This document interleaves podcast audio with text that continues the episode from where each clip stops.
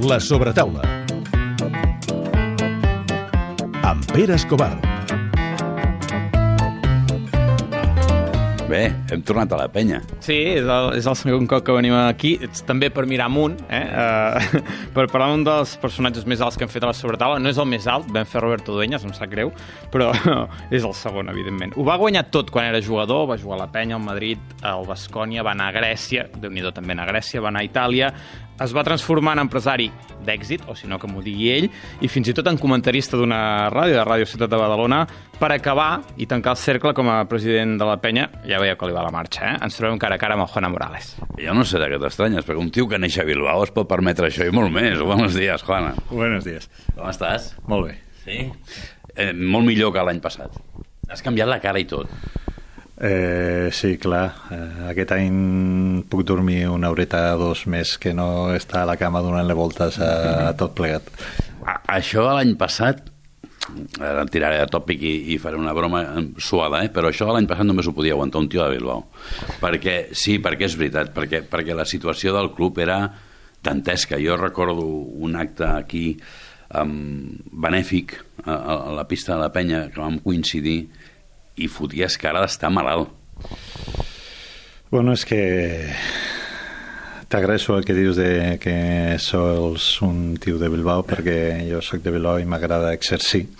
Eh, és veritat que quan el Consell actual vam entrar sabien que la situació era molt difícil. El que passa és que després de que vam entrar tot va anar, tot el que podia anar malament va anar malament i el que no podia anar malament també va anar malament. Eh, juntament en una situació esportiva desesperada, eh, com deien, la tormenta perfecta, no? Doncs això, i sí, va ser, van ser moments molt, molt, molt durs, molt durs i que solament vam aguantar primer perquè el Consell vam estar molt units, eh, sabíem el que tenien que fer, eh, el que passa és que no, no, no t'enganyo, o sigui, o sigui, moltes nits jo estava pensant seré el president que passarà la història per xapar la penya, no? I això sí, sí. Era, era molt dur perquè aquest club eh, significa molt per, per moltíssima gent, no sols a Badalona i a Catalunya, sinó a tot arreu. I crec que gràcies a Déu no va ser així i vam poder, esportivament vam poder mantindre la categoria CB en un final de temporada que jo crec que va ser màgic, no tinc una altra paraula sí, per descriure-ho i institucionalment eh, vam poder negociar amb un inversor que va creure en el projecte i fins i tot a les persones que, que el portàvem i, i aquest any la situació no té res a veure a cap nivell amb el que vivíem ara tot just fa un any.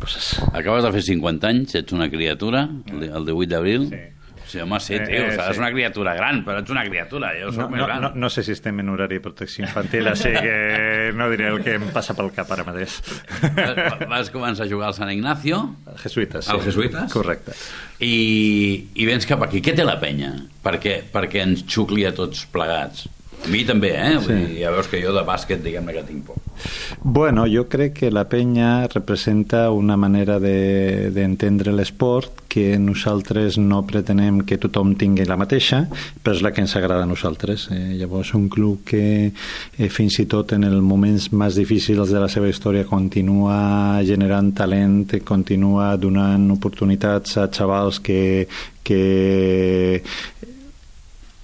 per suposat amb el seu treball i el seu esforç, eh, però amb els mitjans que la penya posa al seu abast són capaços de fer una carrera professional o entendre aquest esport i poder gaudir-lo per sempre, perquè nosaltres és veritat que estem veient els jugadors que arriben al primer equip o que arriben a CB o fins i tot que arriben a NBA, però eh, nosaltres aquí tenem 500 eh, nois i noies que el primer que els ensenyem és a entendre aquest esport i estimar aquest esport. Si són jugadors eh, professionals, perfecte. Si són jugadors per, eh, només per gaudir, perfecte. I si aconseguim, aconseguim que siguin aficionats a aquest esport, també perfecte. I llavors jo crec que això arriba a molta gent perquè veu que, insisto, que insisteixo, fins i tot en els moments més difícils mai hem renunciat al model en el que creiem. I jo crec que això eh, arriba molta gent i és veritat que a tothom li gusta guanyar i és normal, eh, però jo crec que deixant de banda la gent que són penyeros de mena i que ho seran sempre, jo crec que podem dir que som el segon equip de moltíssima gent perquè reconeix aquesta, aquest valor i aquesta fidelitat en el nostre, en el nostre dia a dia. Sí, això us fa diferents. Eh, Jo he llegit el teu Twitter, eh, no sé de quan és aquest tuit, eh, Sí, però parles de... molt- molt poc, molt, molt poc. poc, molt Només tens... Només no segueixes... No, eh, bueno, perquè ara com ets president ets més cagón, encara que siguis de Bilbao. Eh, Sara, que soc president, me tinc que mossegar la llengua moltíssimes vegades, sí. Però abans no. I, i, i recordo un tuit Mm, una frase teva, eh? d'un d'aquests tuits. Veient, no, veient Navarro i Carroll, no puc entendre com hi ha gent que li agrada més el futbol que el bàsquet. Sí, això no, po- potser no hauria d'haver dit perquè els futboleros s'emprenyaran a mi, però és que estava veient un partit que era increïble. Canastón de Carroll, canastón de Navarro. Canastón de Carroll, canastón de Navarro. Jo estava al sofà gaudint i no puc entendre, o sigui, perquè al bàsquet passa, en un bon partit de bàsquet, passen un munt de coses que no et dona Tota temps. l'estona. El realitzador no té temps de fer la repetició de la jugada perquè és que Sí, perquè n'hi ha un altre. Correcte. Llavors, jo no ho entenc, però bueno, potser és un problema meu, perquè és evident que a tothom l'agrada més l'altre esport. Llavors, pues, probablement sóc jo que, que Ah, tingui aquest problema. Ja, també crec que no són incompatibles. Eh? Jo crec No, que no, pots no. gaudir de, de tot. Ma- El que passa és que sí que tinc la sensació que cada vegada més ven, anem a un món de pensament únic. Això és l'únic que hi ha i això és l'únic que val i el reste... eh, Bueno, Ah, Deixa'm-ho dir des de, des de la meva feina, eh? vosaltres, el bàsquet, no vosaltres, el bàsquet també ha fet molt perquè això sigui així. Mm, No, el bàsquet, la gent que La gent ens que encarreguem... sí, sí, no, no, no, que, no, no parles en passat, o, sea, o sigui, no, no hem de fugir de la responsabilitat i fem moltes coses mal fetes. També és veritat... Tothom fa coses sí, molt fetes, sí. però hi, ha- hi ha moments Sí. hi ha moments en què, en què es produeix un clic, un canvi.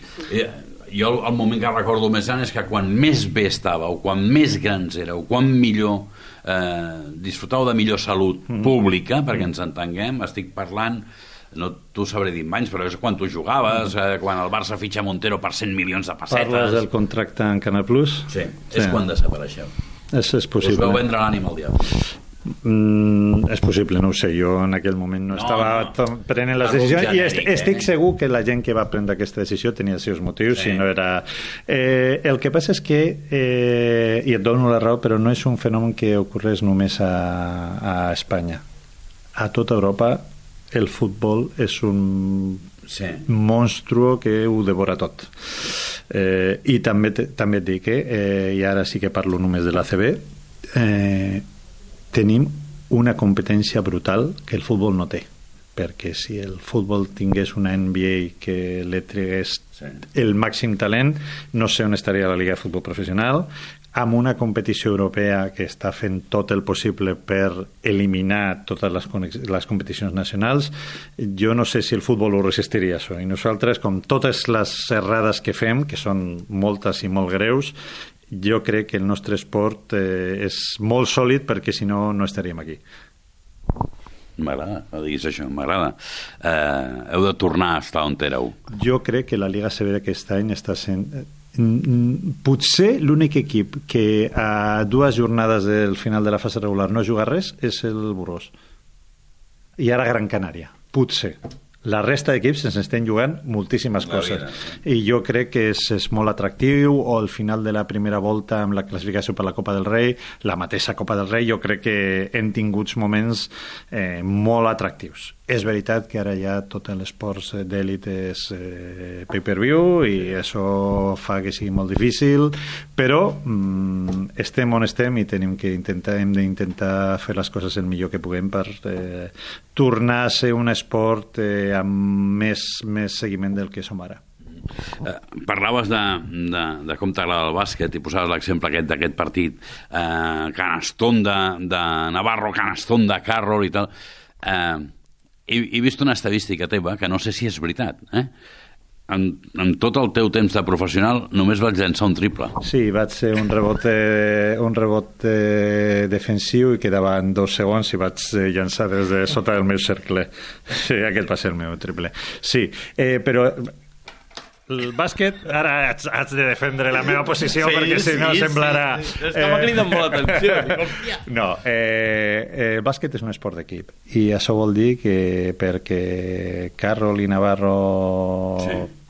Tinguin aquesta facin aquestes coses que a tots ens al·lucinen, eh, ha d'haver gent que pren els rebots. El que fa de Carol, d'aquestes canastes de Carol i de Navarro canastones és que estan defensats, perquè moltes vegades a la fase regular de la NBA, ara me voy a meter con otro, venga, eh, eh, eh, a la fase regular de la NBA ves els highlights i, oh, quina jugada, quin mate, és que s'aparten del camí.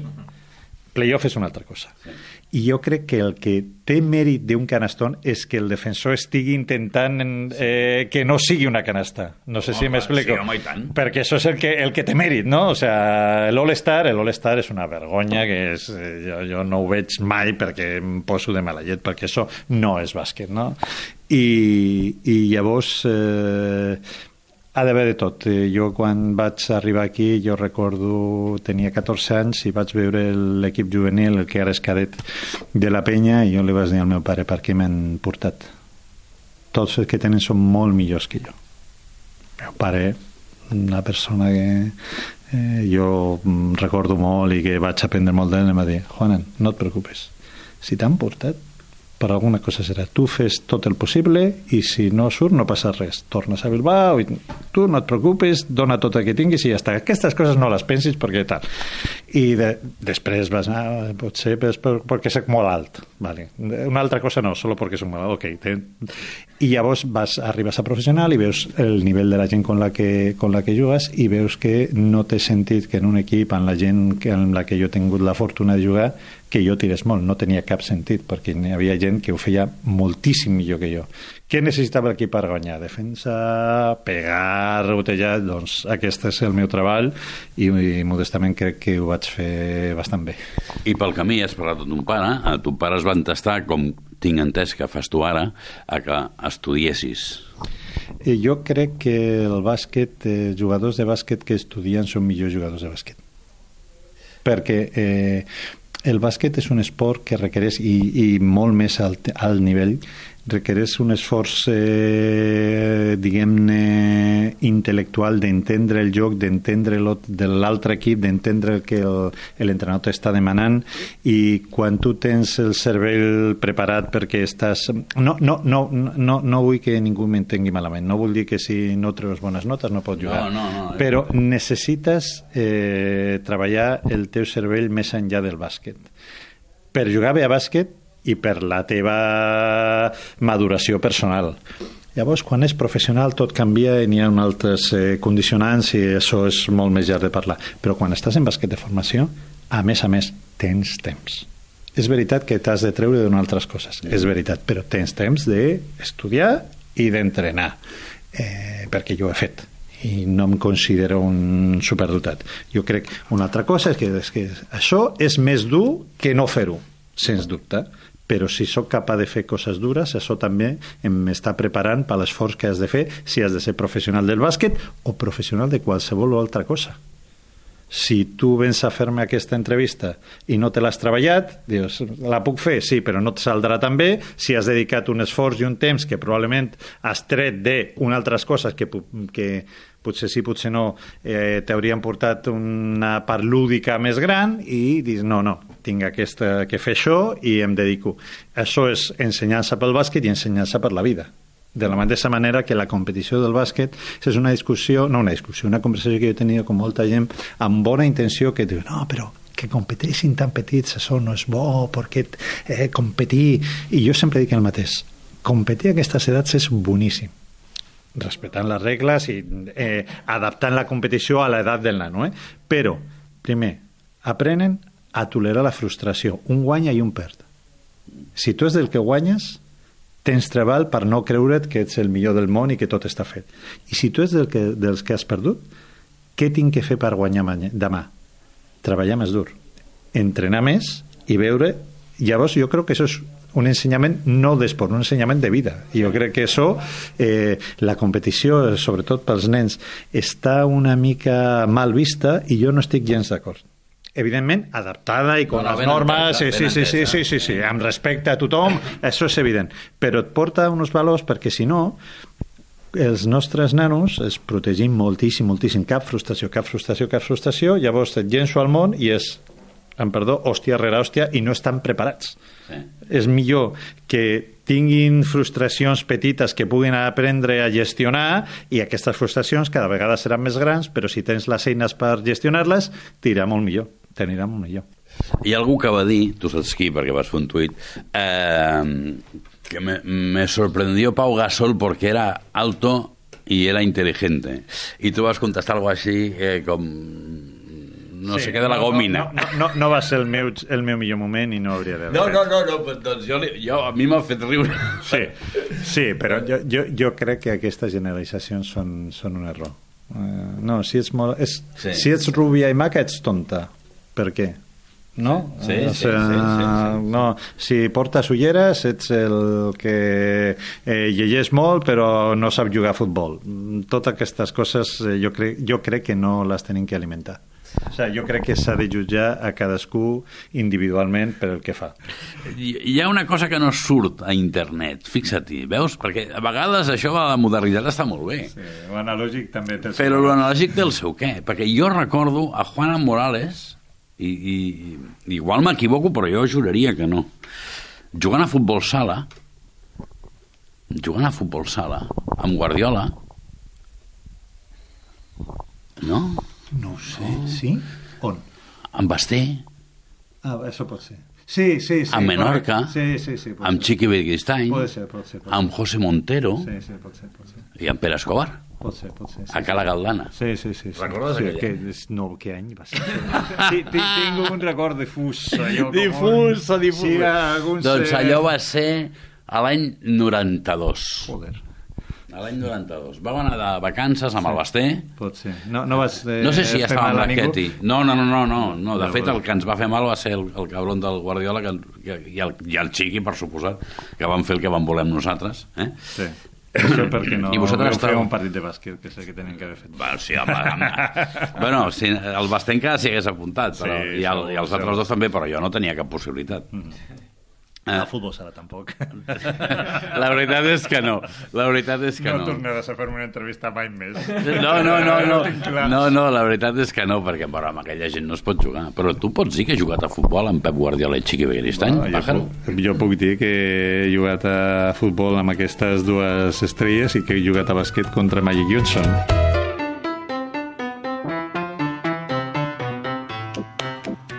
Juana Morales. Juana Morales, tu sabies que havia jugat a futbol sala?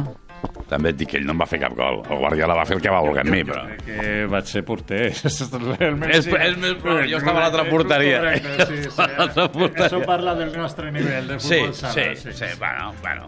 Pagaria calés per veure aquella imatge amb una porteria, amb un 2-11 de Juan Morales i l'altra porteria al metre 69 del Pere Escobar. Gràcies a Déu, en aquella època no havies mòbils Exacte. amb càmera que... Mort tots. Sí, sí, radicalment. Això s'ha de repetir, el dia, el dia que hi torneu. Bé, veiem un, un Juan Morales president, que és un Juan Morales moderat, eh, molt més moderat, mossegant-se la llengua. Està bé, per mossegar-te la llengua t'has posat amb la NBA, amb els pares, amb el futbol, amb l'antic president de la penya. Està bé, vull dir, no? Per... Imagina't, jo imagina't si no fos... eh, Aquest tema l'has tret tu.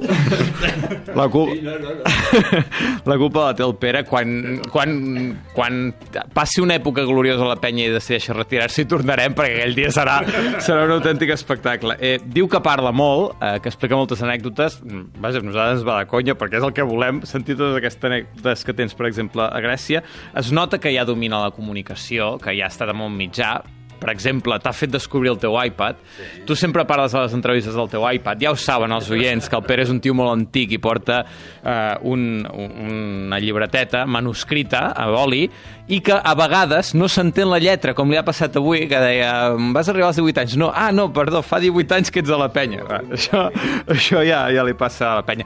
Ens agrada molt venir aquí i fer... Eh, una entrevista, eh, com dir-ho, distesa i amena, perquè això vol dir que la situació de la penya és distesa i amena. Segurament si haguéssim vingut l'any passat, eh, el to era diferent. Per tant, Pere, ho hem encertat a venir a fer la sobretaula ara amb el president de la penya. És fàcil quan tens un pivot així, que et defensa. Tu, tu m'havies promès que tot això ho tallaries. Eh? Ah, no, però això ho fa ell, Eduard, Ah, allà ho fa va, ell. va, va. Tu, qui- tu creus que jo m'atreviré amb un parell d'aquests? No, això ho fa ell, tio, si no estem molt... Juana, moltes gràcies. No, és un plaer i si heu fet algú demano disculpes No, i de, no. de, demano disculpes pel meu català també que no és No, el teu català és espectacular. no, bueno, O sigui que t'ho Sí, sí. molt per la part que et toca. Gràcies, noi. gràcies a vosaltres